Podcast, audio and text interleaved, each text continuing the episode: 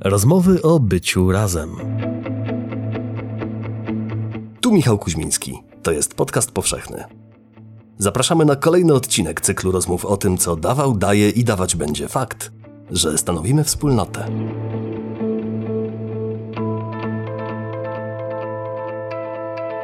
W poprzednich odcinkach Katarzyna Kubisiowska rozmawiała z Wojciechem Manem, Anną Dymną, Janem Peszkiem, Katarzyną Nosowską i Markiem Bieńczykiem. Gościem dzisiejszego odcinka jest Adam Wajrak. Wracałem z tej Arktyki, zadzwoniłem do Piotrka Jachowicza, on już zaczął mi opowiadać, słuchaj, to jest taka Hiszpanka, bardzo fajna, wiesz, goryle we mgle. I ja rzeczywiście przyjechałem do tej Białowieży i była jakaś balanga właśnie u, u Zubów. Ja zobaczyłem tą Nurię z tymi czarnymi, kurczo-czarnymi włosami, taka ona była strasznie ciemna, była opalona jeszcze bardzo, prosto z Hiszpanii. Ja się po prostu w tej czarności zakochałem, po prostu od razu, ale tak od razu. I tak na stwierdziliśmy, że jedynym takim miejscem, gdzie możemy być razem, to jest, to jest właśnie puszcza. Trwa epidemia, więc rozmowa odbyła się przez Skype. Prosimy o wyrozumiałość dla technicznych niedoskonałości nagrania. Na cykl zaprasza Katarzyna Kubisiowska.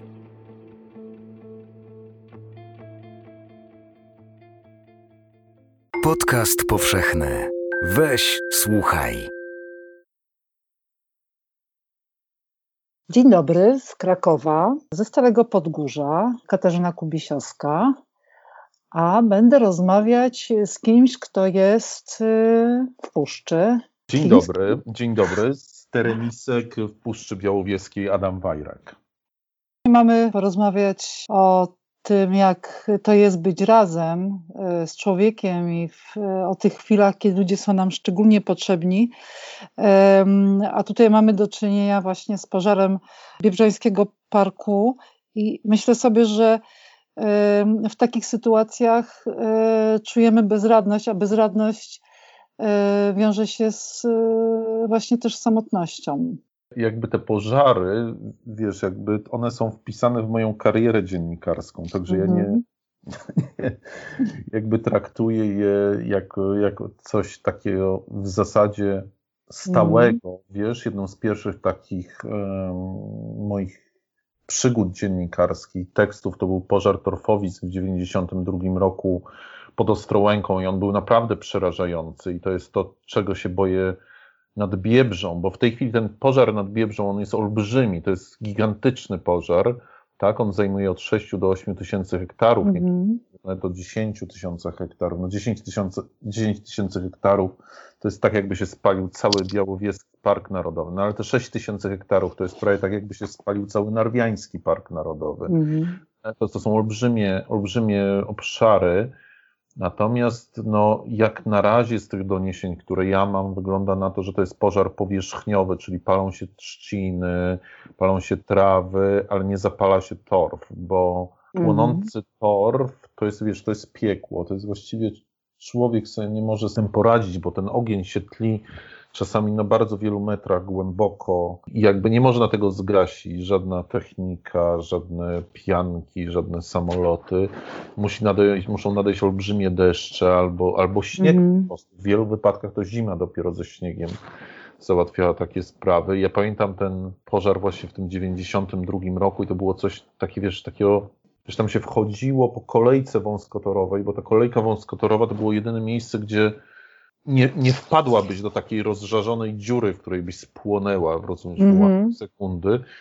I wokół ciebie widziałaś jak ziemia, która jest normalna i ona w pewnym momencie pojawiają się na niej takie czarne plamy i ona czernieje. Mhm. A a drzewa, które stały, takie wiesz, pięcio, sześciometrowe, po prostu w pewnym momencie znikały, po prostu zapadały się pod ziemię, po prostu je zasysało i był taki wielki słup ognia, wiesz, wystrzeliwał. To było coś, coś niebywałego. I ja myślę, no, Apokalipsa. To Mhm. taka apokalipsa naprawdę. I nad Biebrzą, to gdyby do tego doszło, to jeszcze, e, wiesz, to by zburzyło cały ten system. On jest tam, ten system jest oparty jeszcze wciąż na torfie właśnie, system bagienny, który formował się no właściwie wiele tysięcy lat, właściwie od czasów, kiedy stamtąd odszedł lodowiec. To by było coś bardzo złego. Na szczęście tego nie ma i chociaż wiesz, bardzo dużo zwierząt zginęło, szczególnie młodych, gdyby nie doszło do zapalenia się torfu i gdyby spadł deszcz, którego niestety nie ma w prognozach, to te bagna by bardzo szybko odżyły. Na przykład, wiesz, ptaki mają, ptaki przystąpiłyby, myślę, że do wiele gatunków do drugich lęgów. One mają to mhm. ewolucyjnie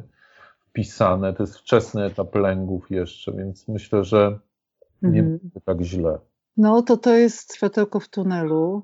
Zanim zaczęliśmy rozmowę, to y, powiedziałeś, że za sekundkę wrócisz i poszedłeś sfotografować ptaszka. Tak, wiesz co, pleszkę, bo y, tutaj wiesz, on jest bardzo piękny, kolorowy ptak, pospolity, mm. ja bardzo lubię pospolite ptaki. Dlaczego pospolite? Bo są ciekawe. Wiesz, wszystko, co jest pospolite, jest strasznie ciekawe. Bo niezauważalne dla tych, którzy są zainteresowani. Po pierwsze, po pierwsze niezauważalne, po drugie te pospolite rzeczy pełnią bardzo ważne rol, ważną rolę w ekosystemie, rzadkie rzadziej, bo są po prostu rzadkie. E, I też często zauważam, że pospolite ptaki stają się bardzo szybko niepospolite, więc ja się każdą pospolitością cieszę po prostu.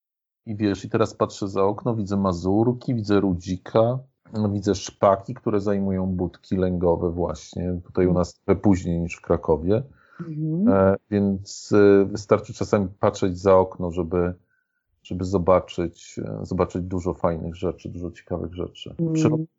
Nie trzeba chodzić do lasu. Mhm. No, a mnie ciekawi to, skąd się wzięła Twoja miłość? Najpierw powiedz o ptakach, bo chyba tak przypuszczam, tak się domyślam, ona się bierze z takich e, e, pierwotnych, e, rytualnych działań, czyli dziecko idzie na spacer z rodzicem do parku, do lasu. Wiesz, ja myślę, ja miałem to chyba od zawsze. Znaczy, tak się urodziłem, miałem to od zawsze. I czasami sobie myślę, że większość dzieci ma to od zawsze, tylko musi trafić na dorosłych, którzy tego nie zamordują, a będą to rozwijać. I na tym chyba polega, polega ta cała historia, że w dużej mierze dorośli mordują dzieciom to zainteresowanie przyrodą i później wyrastają tacy bardzo nieszczęśliwi dorośli z tych dzieci z zamordowanym mhm. zainteresowaniem przyrodą. E, ja często, wiesz, spotykam, jak, wiesz, jak e, podpisuję książki na targach, mhm. to często to jest w ogóle taki, taki standard, kiedy przychodzi ojciec, matka z synem albo córką i, i ten syn albo córka są bardzo zainteresowani e, przyrodą i bardzo dużo wiedzą i, i, i są bardzo zaangażowani w różne, w różne historie. I mhm. tak z, z rozmowy zaczyna wynikać, że ci dorośli, ci rodzice też byli kiedyś zainteresowani takimi rzeczami, ale że ro, ich rodzice z kolei albo ich otoczenie powiedziały: Nie, tam nie możesz się zajmować ptakami, musisz być prawnikiem, inżynierem, mm. lekarzem. To jest strasznie. I, I tak wychodzi ta ich taka krzywda straszna. Mm.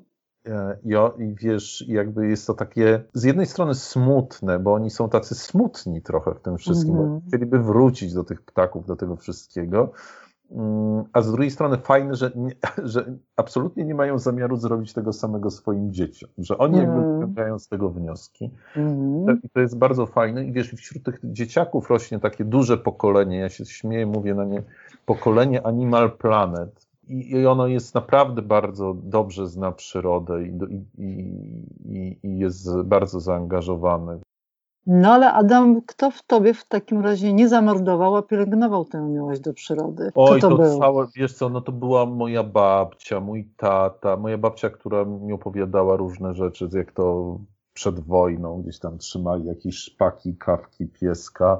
E, Gdzie gdzieś, trzymali? W domu? Gdzieś pod Mławą, tak, mieszkali mm. pod Mławą. E, moja rodzina w ogóle była generalnie święta, bo oni jakby się zgadzali na to, żebym ja znosił. Nie mogłem mieć psa ani kota, bo jestem alergikiem. I z, więc w związku z tym zacząłem znosić całą masę różnych, różnych ptaków, różnych owadów, traszek, żab. Wiesz.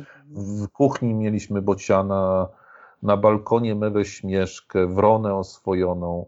I, I wiesz, i to wszystko to wszystko się kłębiło i ci naprawdę święci rodzice i święta babcia po prostu e, jakby, jakby to znosili. Tata mnie zawsze zabierał do lasu i myślę, że taka lekcja tego lasu to jest ważne, to mi pokazał tata. A też on, mi, on był z chłopskiej rodziny, ale był taki w nim taki duży szacunek to wszystkiego, co żyje. Pamiętam, do, strasznie marzyłem, żeby, wiesz, byłem wychowany na tych wszystkich indiańskich historiach, mm. indiańsko-traperskich, strasznie marzyłem o tym, żeby mieć strzelbę. Pewnego dnia tata przyniósł takie długie, tekturowe pudełko i wyjął z niego, wiesz, czeską wiatrówkę, wiesz, mm. e, która była, wiesz, no, prawdziwą strzelbą naoliwiona, wiesz, no, silną mhm. bronią tak naprawdę. Mm. Powiedział mi, że masz ją, ale obiecaj mi, to powiedział bardzo, bardzo serio, że nie tylko nie strzelisz, ale nie wycelujesz w nic żywego. I to było takie bardzo mocne, takie wręcz antymyśliwskie, można powiedzieć. I utkwiło bardzo mocno. Ja pamiętam, że mi dawał tą strzelbę i powiedział, że nie, ma, nie, nie wycelujesz w nic żywego. A ile miałeś lat wtedy? Nie wiem, może 10. A nie kusiło cię, żeby jednak wycelować w coś żywego? Co, wycelowałem w jednego chłopaka, który mnie strasznie wkurzał, ale ale było później niezwykle wstyd. Ale w żadnego wróbla, w żadną wronę, w żadną srokę, w żadnego kota, rozumiesz?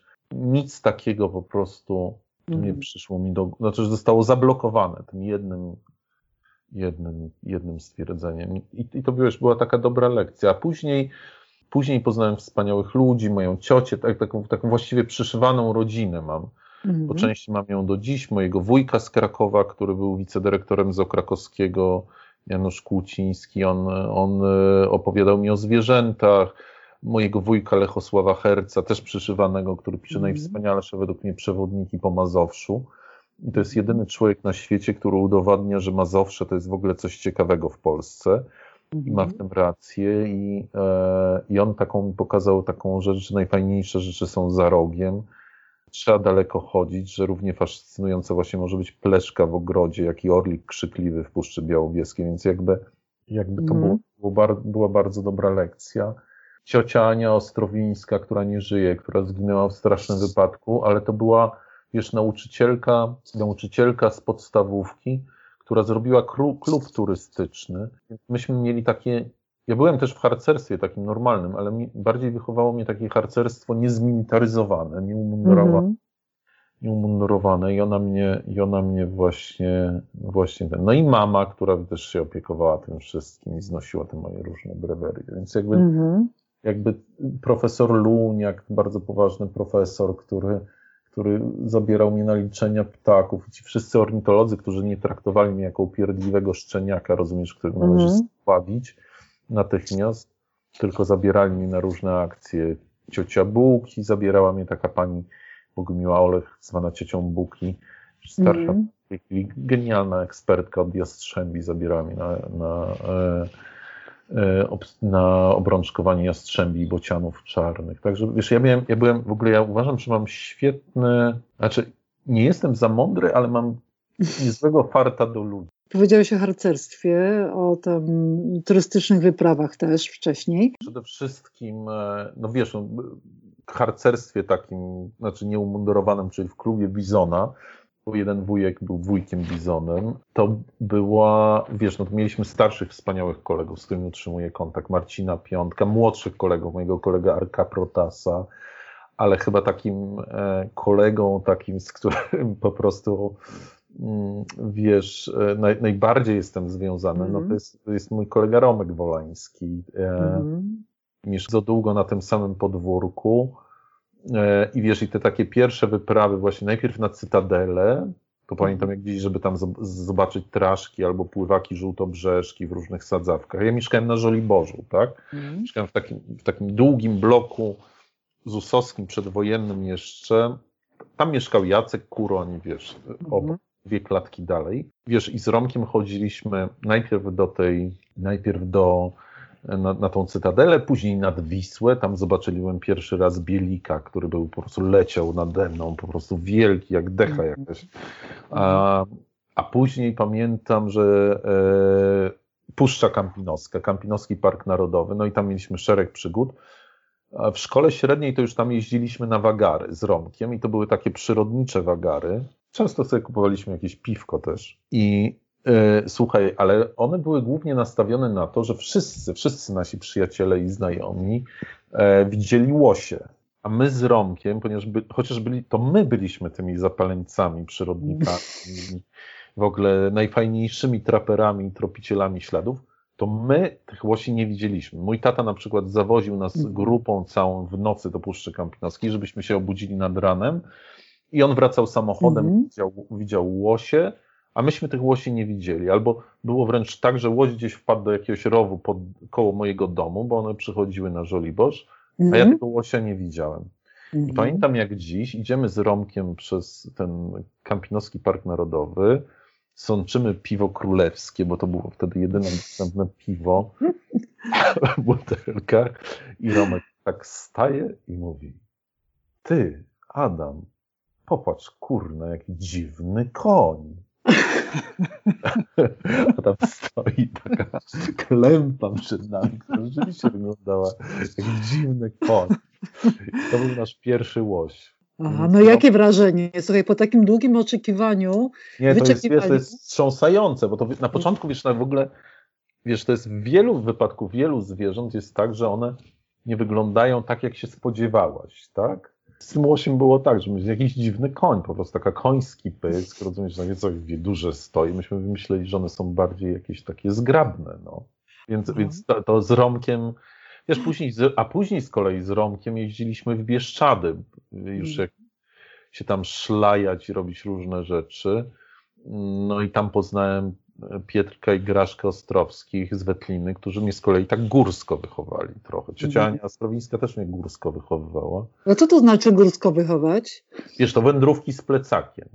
Mhm. Takie, wiesz, takie długie wędrówki z plecakiem, śpiewanie z gitarą przy ognisku. To mnie akurat wkurza do dziś, bo ja byłem bardziej w takiej pankowskiej frakcji, więc te wszystkie ballady w flanelowych koszulach nas doprowadzały z Romkiem do szału, no ale trudno. Wiesz, byliśmy tam, byliśmy wtedy, och, byliśmy zbieraczami jagód, takimi zbieraczkami zbie- Mhm. zbieraliśmy z absolutną, z absolutnym, to się nazywa chyba margines społeczny, z ludźmi, którzy wyszli z więzienia, Mhm. był facet, który przepił kuter, wiesz, i miał Mhm. zaniki pamięci i tarzał się w ognisku po denaturacie. Bardzo fajne przygody.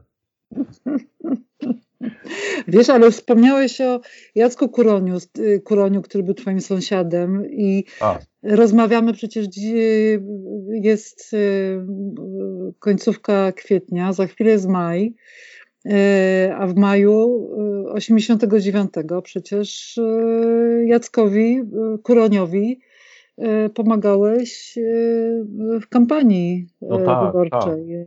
Wiesz co, to Mhm. była taka, to była taka strasznie dziwny, dziwna historia z Jackiem, bo mm, wiesz co, bo te dzieci wychowałem, byłem takim dzieckiem wychowanym, a no wiesz, żyliśmy w Mhm. systemie, który nam mówił, żeby Jacka się bać. I zresztą to, wiesz co, jakby, wiesz, mój ojciec był w PZPR, mama w Solidarności, kompletny podział, miszmasz, wiesz, ojciec z tej biednej wsi, więc był zapatrzony w ten komunizm, którego wyciągnął z tego, wiesz, a, Mhm. a z tej biedy, wiesz, z tego wszystkiego wyleczył z gruźlicy i wysłał na studia. Mama z kolei z takiej zubożałej, może nie zubożałej, ale z ziemiańskiej rodziny inteligenckiej, wiesz, brat babci oficer przedwojenny zginął w AK, więc kompletnie, wiesz, jakby, jakby kompletny rozjazd.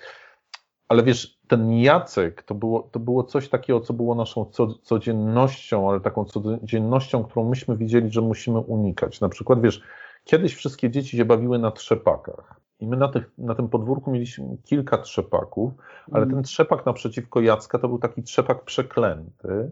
Mhm. Nie należało się na nim bawić, bo tam bardzo często w samochodzie stała służba bezpieczeństwa, wiesz, i Mhm. obserwowała tego Jacka i tego tam nie należało chodzić. Zresztą, wiesz, to było też w takim sosie, wiesz, i ten Jacek, wiesz, biegał z papierosem, gadał, wiesz, dawał wywiady. On, on naprawdę wyglądał jak ekstremista którego Mhm. lepiej na, należało unikać, tak? Widać było, że to jest gość, który niesie za sobą kłopoty. Czasami wpadali do niego, wiesz, ci ubecy, robili Mhm. jakąś straszną rzecz tam i tak dalej, i tak dalej. Jaką bili Maćka na przykład, to pamiętam, to gdzieś tak mam. Mhm. Ale jakby z zupełnie innego świata, wiesz, jakby z takiego świata, e, który był zupełnie, zupełnie inny, była żona Jacka, była Gaja. Mhm. Wiesz, ona była z takiego świata nie szalonego, tylko takiego czyste piękno i dobro. Ona wyglądała jak, Mhm. jak, wiesz, jak indiańska księżniczka, po prostu niezwykle dystyngowana, niezwykle Mhm. piękna. I ona, wiesz, to, to też jak dziś widzę, że ona wchodzi tak, wiesz, to nasze podwórko jest takie strasznie długie i ona, widzimy ją gdzieś tam z daleka i ona idzie w jakimś płaszczyku, jest śliczna i, mm -hmm. i mhm. wszyscy biegną i zerwać jak, jakąś trawkę, jakiś listek, bo mm -hmm. Gaja Kuroń robiła coś takiego, że mówiła, grasz w zielone, gram, masz w zielone, mam. I wtedy jak pokazywaliśmy jej ten listek, albo trawkę, albo coś, to dostawaliśmy cukierka. Mm, wspaniale. I te, mm. i te, mhm. te, ale słuchaj, ale te, te lody takie, wiesz, tak naprawdę mm -hmm. zostały przełamane, kiedy, kiedy Jacek, a właściwie Gaja, a może Maciek, e, mie, zaczęli mieć takie, mieli taką jamniczkę, wisie, Mhm. Były dwa pieski, jamniczka. Nie pamiętam, który był pierwszy, czy, czy Wisia, czy Filon. A po 89 roku, jak ta relacja z Jackiem Kuroniem? Jedyny taki, wiesz, duży taki zgrzyt, można powiedzieć, to był, to był wtedy, kiedy, wiesz, ja poznałem Nurię tutaj w Puszczy Białowieskiej, bo zacząłem od 90 lat zacząłem przyjeżdżać do Puszczy Mhm. Bardzo mi się ta puszcza na początku nie podobała, bo co to za las, co to za burdel, co to za mhm. wszystkie drzewa się walą. Mhm. A później zacząłem odkrywać, że w tym jest system. No i tu poznałem Nurię i bardzo się zakochałem. Mhm. Słuchaj, a wtedy była kampania, e, kampania prezydencka i Jacek sobie wymyślił, że ja będę jego ministrem środowiska. Rozumiesz, wiesz, jakiś tam sztab czy coś. I on mówi, wiesz, będziesz ministrem tutaj. tutaj.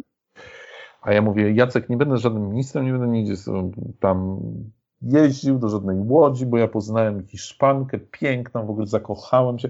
Ja też widziałem, byłem bardzo sprytny, bo widziałem, mhm. później mi wszystko utwierdzało, że Jacek, do Jacka przemawia w ogóle, nic nie przemawia, żadne pieniądze, żadne argumenty, ale miłość do niego przemawia. Jak się coś mówi, że miłość zakochał się, to w ogóle święty człowiek, zakochany, nietykalny. Mhm. Ale on wtedy na mnie strasznie nakrzyczał i zaczął krzyczeć, kurwa, jaka tam Hiszpanka, przecież tu Polska ginie, tu Polskę chodzi, a poza tym ja znałem La Passionarię, ty wiesz, kto to był La Passionaria i coś. On strasznie na mnie nakrzyczał, ale później tak jakby przestał i powiedział, wiesz, dobrze, ale słuchaj, nie martw się, to ja ci załatwię samochód z kierowcą rządowy, cię zawiezie do tej Białowieży do niej. I rzeczywiście było tak, że myśmy wystąpili na tym na tym e, wiecu w tej łodzi i samochód mi zabrał. Jacek bardzo mocno mówił, że trzeba zawsze stawać po stronie słabszych. I, I to jest chyba taka bardzo ważna reguła. I tym słabszym może być człowiek, ale też może być zwierzę. Ale powiedziałeś, słuchaj, przed chwilą o bardzo ważnym człowieku, czyli o Nuri. Prosta sprawa, ty po prostu mieszkasz w puszczy dzięki kobiecie. To ona cię tam przyciągnęła. Trochę dzięki kobiecie, trochę dzięki rysiom. E, mhm. Bo, bo to z puszczą było dokładnie tak, że wiesz co, że ja pierwszy raz, jak pojechałem do puszczy, to był 88 rok, z moim kolegą Szymkiem Kaczanowskim, to znaczy byliśmy z całą klasą, ale, ale ja chci strasznie chciałem zobaczyć rezerwat ścisły i zabrał nas do tego rezerwatu mniej Szymka Kaczanowskiego. Szymek jest biologiem, zajmuje się teraz modelowaniem mo malarii, jak się roznosi. Mhm i poszliśmy do rezerwatu ścisłego. Nikt nas nie chciał zabrać do tego rezerwatu ścisłego. Simona Kossak nie chciała nas zabrać do rezerwatu ścisłego, powiedziała, że nie ma czasu. Moi późniejsi tacy przyjaciele i promotorzy Nuri, e, profesorostwo Jędrzejewscy też powiedzieli, że nie mają czasu. Wszyscy powiedzieli, że nie mają czasu. A taki koleś, Arek Szymura, nauczyciel z technikum leśnego, który był górnikiem, jest organistą w kościele, wiesz, taki mhm. niesamowita postać. Powiedział, że on nas zabierze. I on nas zabrał do tego rezerwatu ścisłego. Ja tam zobaczyłem coś niebywałego, że te drzewa, wiesz, ja byłem przyzwyczajony do takich prostych sośnin z tym lubelskim, mm -hmm. moim tatą. A tutaj drzewa się walą, przewracają, jakaś zgnilizna, jakieś owady, ciemno. Ten arek jeszcze włazi na jakieś drzewo, omal nie spadł, zjechał. W ogóle krew, krew się leje. Ja siedzę z tym szymkiem w środku tego no, strasznie mi się ta puszcza nie spodobała, wiesz? Mhm. Bałagan, wielki bałagan. Co? Bałagan, syf, po prostu, wiesz, no coś mhm. strasznego.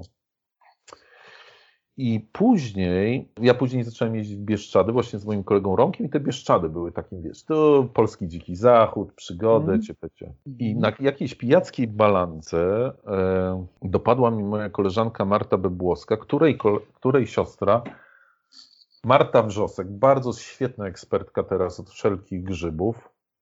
Ona robiła tu pracę i się okazało, że bardzo dużo rysi wpada we wnyki. to był, nie wiem, tam 90, chyba drugi czy trzeci rok. Ja byłem o te parę lat dojrzalszy i przyjechałem do tej puszczy mhm. wtedy i zobaczyłem to i wiesz co, i zobaczyłem, że po prostu z tym bałaganem, z tym bardakiem się wiąże cała masa ciekawych rzeczy. Zaczęło docierać do mnie, że ja całe życie byłem oszukiwany. Mhm. Że w tym mhm. lesie, który znam, tym ładnym posadzonym tej sośnie takiej, jak teraz prezydent Duda tam wrzątki sadzi w czasie kampanii, że tam właściwie nic nie ma, że to jest jakieś oszustwo. Mhm. Że tutaj w tym burdelu, w tym, tej zgniliźnie, w tym bałaganie po prostu dzieją się arcyciekawe rzeczy. Tu coś rośnie, tu wyrasta, tu żyje, tu piszczy, tu wychodzi. No po prostu ten. Mhm. Tak moim przewodnikiem po tym lesie na początku był Karol Zub, kolega, który pracował w Instytucie, pracuje w Instytucie Biologii Ssaków. No i się absolutnie w tej puszczy zakochałem i zacząłem tu przyjeżdżać regularnie, regularnie, regularnie. Jednocześnie zacząłem jeździć w Arktykę I w 95 roku pojechałem na bardzo długo, na trzy miesiące, ponad trzy miesiące siedziałem w Arktyce na Spitsbergenie, a w tym czasie przyjechała tu Nuria. Cała grupa naszych znajomych, a głównie Jachowiczowie, jak zobaczyli Nurię, to oni stwierdzili, że my będziemy idealną parą. Ja jeszcze... Czyli związek zaaranżowany. Kompletnie, kompletnie. I oni, wiesz, ja jeszcze z tej, już wracałem z tej Arktyki, byłem w, jakimś, tam w miasteczku w Longyearbyen, zadzwoniłem do Piotrka Jachowicza, on już zaczął mi opowiadać, słuchaj, to jest taka Hiszpanka, bardzo fajna, wiesz, goryle we mgle i tak dalej, i tak dalej. I ja rzeczywiście przyjechałem do tej Białowieży i była jakaś balanga właśnie u, u Zubów. Ja zobaczyłem tą Nurię z tymi czarnymi, kurczo-czarnymi włosami, taka ona była strasznie ciemna, była opalona jeszcze bardzo, prosto z Hiszpanii. Ja się po prostu w tej czarności zakochałem, po prostu od razu, ale tak od razu, tak pał i tak mhm. na Później Nuria zaczęła robić tutaj pracę, bo stwierdziliśmy, że jedynym takim miejscem, gdzie możemy być razem, to jest, to jest właśnie puszcza. A te rysie? Popatrz, na, na tego rysia to też długo musiałeś poczekać, tak? Na łoś. No na, ryś, na rysia, w ogóle ryś to jest w ogóle jakieś, to jest zwierzę, które jest przeklęte. Słuchaj, bo moja babcia, to jest, ryś jest takim historią, którą ja mam z dzieciństwa. Moja babcia, która właśnie się wychowywała w takim dobrym domu przedwojennym, ona też, też chodziła do jakiejś takiej dobrej szkoły dla dziewczynek. I te dziewczynki z panią wychowawczynią oraz księdzem pojechały na wycieczkę na Huculszczyznę. Wiesz, w moim domu w Warszawie jeszcze dotąd stoją z tej wycieczki, babcia ma, no, babci już nie ma od dawna, ale u niej w pokoju, gdzie, gdzie, gdzie będzie mieszkała, stoją takie gliniane figurki, Hucuł i Hucułka. Bardzo, przetrwały wojnę, przetrwały wszystko. Dla mnie są jak relikwia właśnie ze względu na Rysia, bo babcia powiedziała w pewnym momencie, że, że musi się oddalić w krzaki. Mhm. No i oni się oddalili i babcia robiła tą swoją potrzebę i raptem poczuła, wiesz, to jest takie uczucie, naprawdę, że zwierząt i ludzi. Jak ktoś się na ciebie patrzy, no to po prostu czujesz na sobie czyjś wzrok. Mhm. I słuchaj, babcia się odwróciła i zobaczyła czającego się rysia. Krzyknęła, zrobiła ła! No, wiesz, rozpłynął się. Babcia wróciła do tej wycieczki swojej i właśnie powiedziała, że przed chwilą widziała rysia. No i oni wszyscy, łącznie z tym księdzem i z tą panią, powiedzieli, że, że może się stuknąć w głowę, że to w ogóle niemożliwe i tak dalej. I babcia opowiadała, że później schodzili z tej góry i ryś przeszedł im drogę. I wszyscy mm. zobaczyli, że moja babcia miała rację. Mhm. Ja byłem strasznie dumny z mojej babci, że ona miała rację i całe życie pragnąłem zobaczyć Rysia. I mhm. słuchaj, tutaj chodziłem, łaziłem, tropiłem te rysie na nartach. Wszyscy, wszyscy słuchaj, uwierz mi, wszyscy rysie widzieli, tylko mhm. nie ja.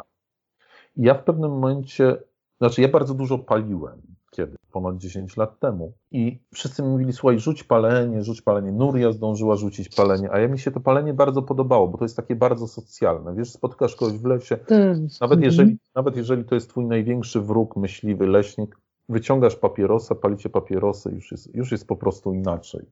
Taka fajka pokoju mała, nie? Tak, Taka tak. codzienna. Tak, mhm. w ogóle ludzkość coś powinna wymyślić zdrowszego na miejsce papierosów, żeby można wyciągać i się tak częstować i, i, i w ogóle tak. Dokładnie. Więc bardzo to lubiłem. Mhm. Mogłem, potrafiłem pisać tylko, tylko przy papierosach. I wszyscy mówią, rzuć palenie, rzuć palenie, a ja mówię, słuchajcie, no dobrze, jak jesteście tacy sprytni wszyscy, to ja rzucę palenie, ale jak, jak tylko zobaczę Rysia, i wyobraź sobie, że nie minął tydzień, wracamy z Nurią samochodem z hajnówki. Ja mam kupiony karton papierosów. Siedzę oczywiście, palę papierosa. Nuria prowadzi, bo ja nie mam prawa jazdy, ale, ale, ale z lenistwa, nie z żadnej ideologii. I słuchaj, i widzę taką dziwną pupę, która, której wcześniej nie widziałem, zwierzęcą, wchodzącą w Mhm. krzak. Mówię, Nuria, obróć samochód. I ona obraca i wielki, po prostu wielki, cudowny kocur idzie, idzie po prostu przed nam, przed maską. To ja zgasiłem tego papierosa powiedziałem, nie palę. Słuchaj, czyli Ryś uratował ci. Tak, uratował wszystko, uratował mi płuca, oczywiście. Słuchaj, wiesz, że- a jeszcze powiedz mi, ja ci opowiem taką historię związaną z psem moich rodziców. Moi rodzice, tak jak twoja siostra, też są psiarzami i mieli taką nutę, labradorkę, która umarła y, młodo, bo miała 5 lat na raka.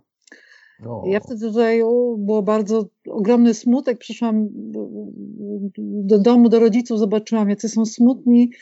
I w trzy sekundy podjęłam decyzję, że dostaną od y, mojej rodziny, od mojego męża, moich dzieci nowego psa. W piątek odeszła nuta, a y, w sobotę y, przywieźliśmy czteromiesięczną labradorkę Fini, taką czarną. Mhm.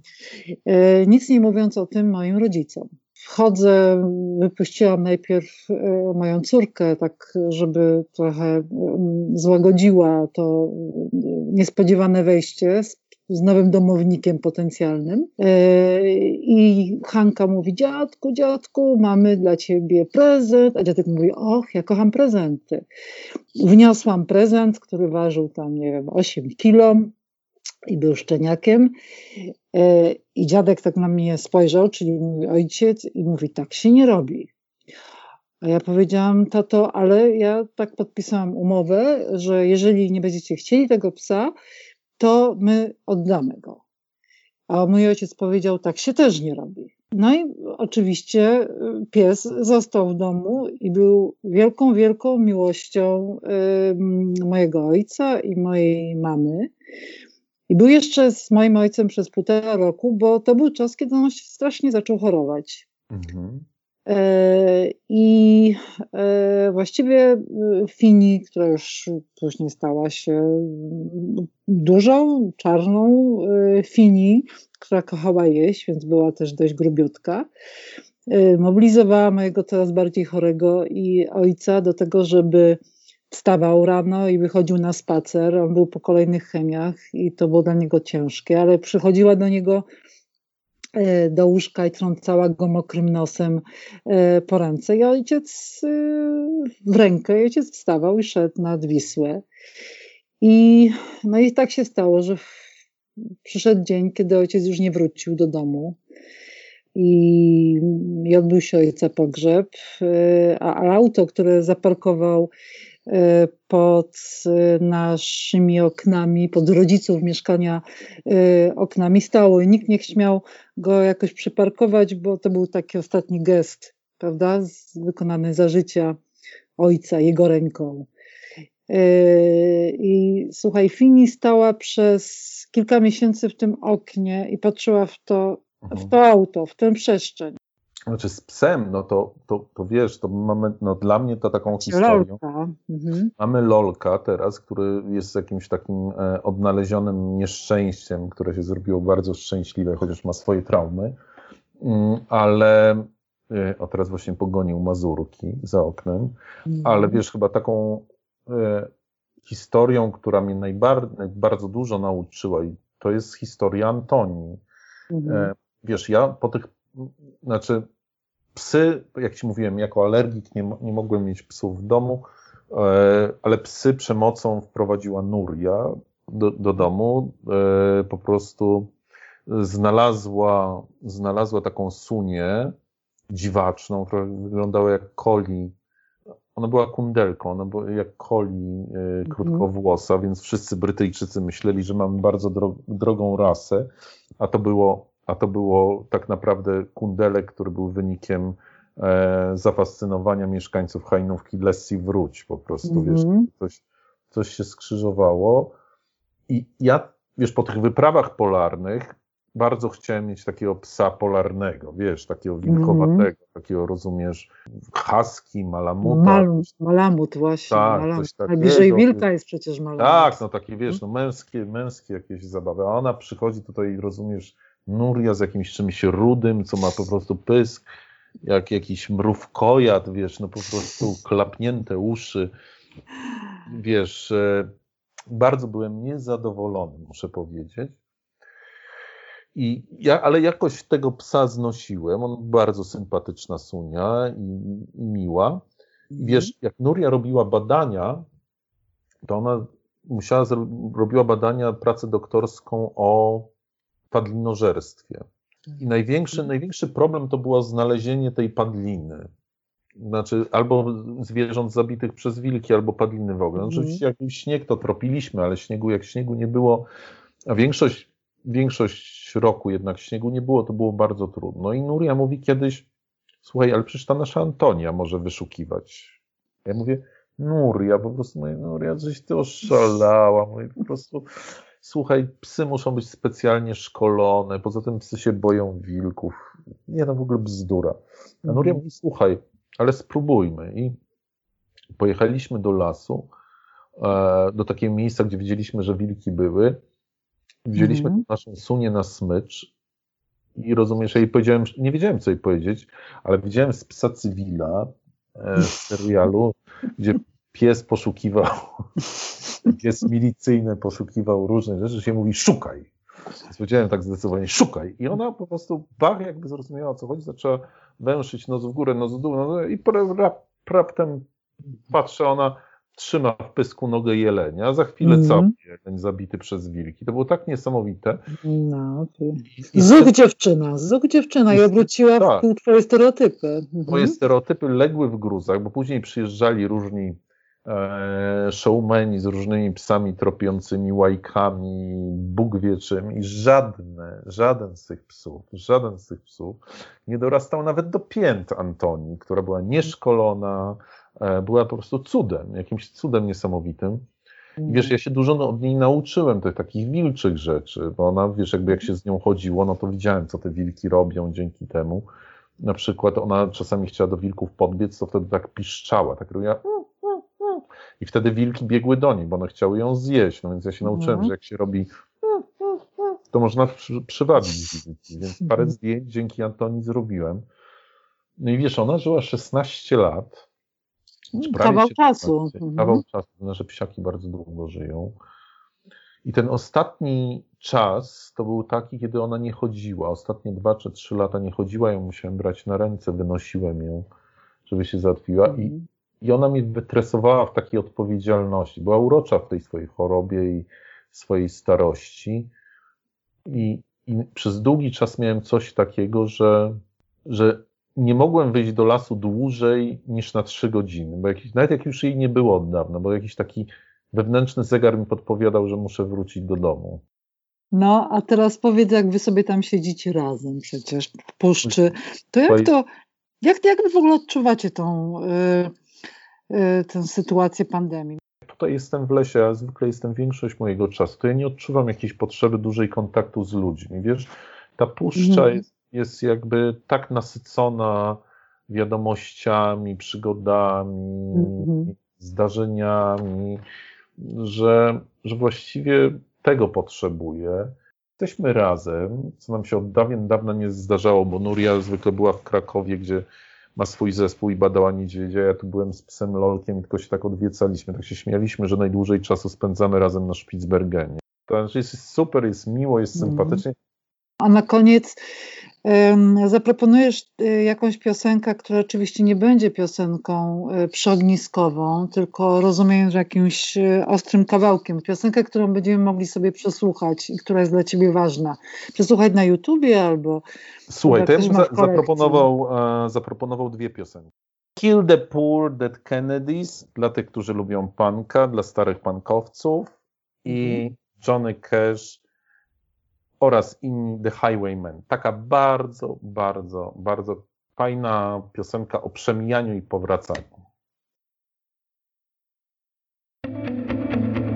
Jeśli słuchają nas Państwo w Spotify albo w Apple Podcast, zasubskrybujcie nasz kanał. Jesteśmy też w Google Podcast i w aplikacji Lekton oraz na www.tygodnikpowszechny.pl/podcast. Współwydawcą podcastu powszechnego jest Fundacja Tygodnika Powszechnego. Weź, słuchaj, czyli podcast powszechny.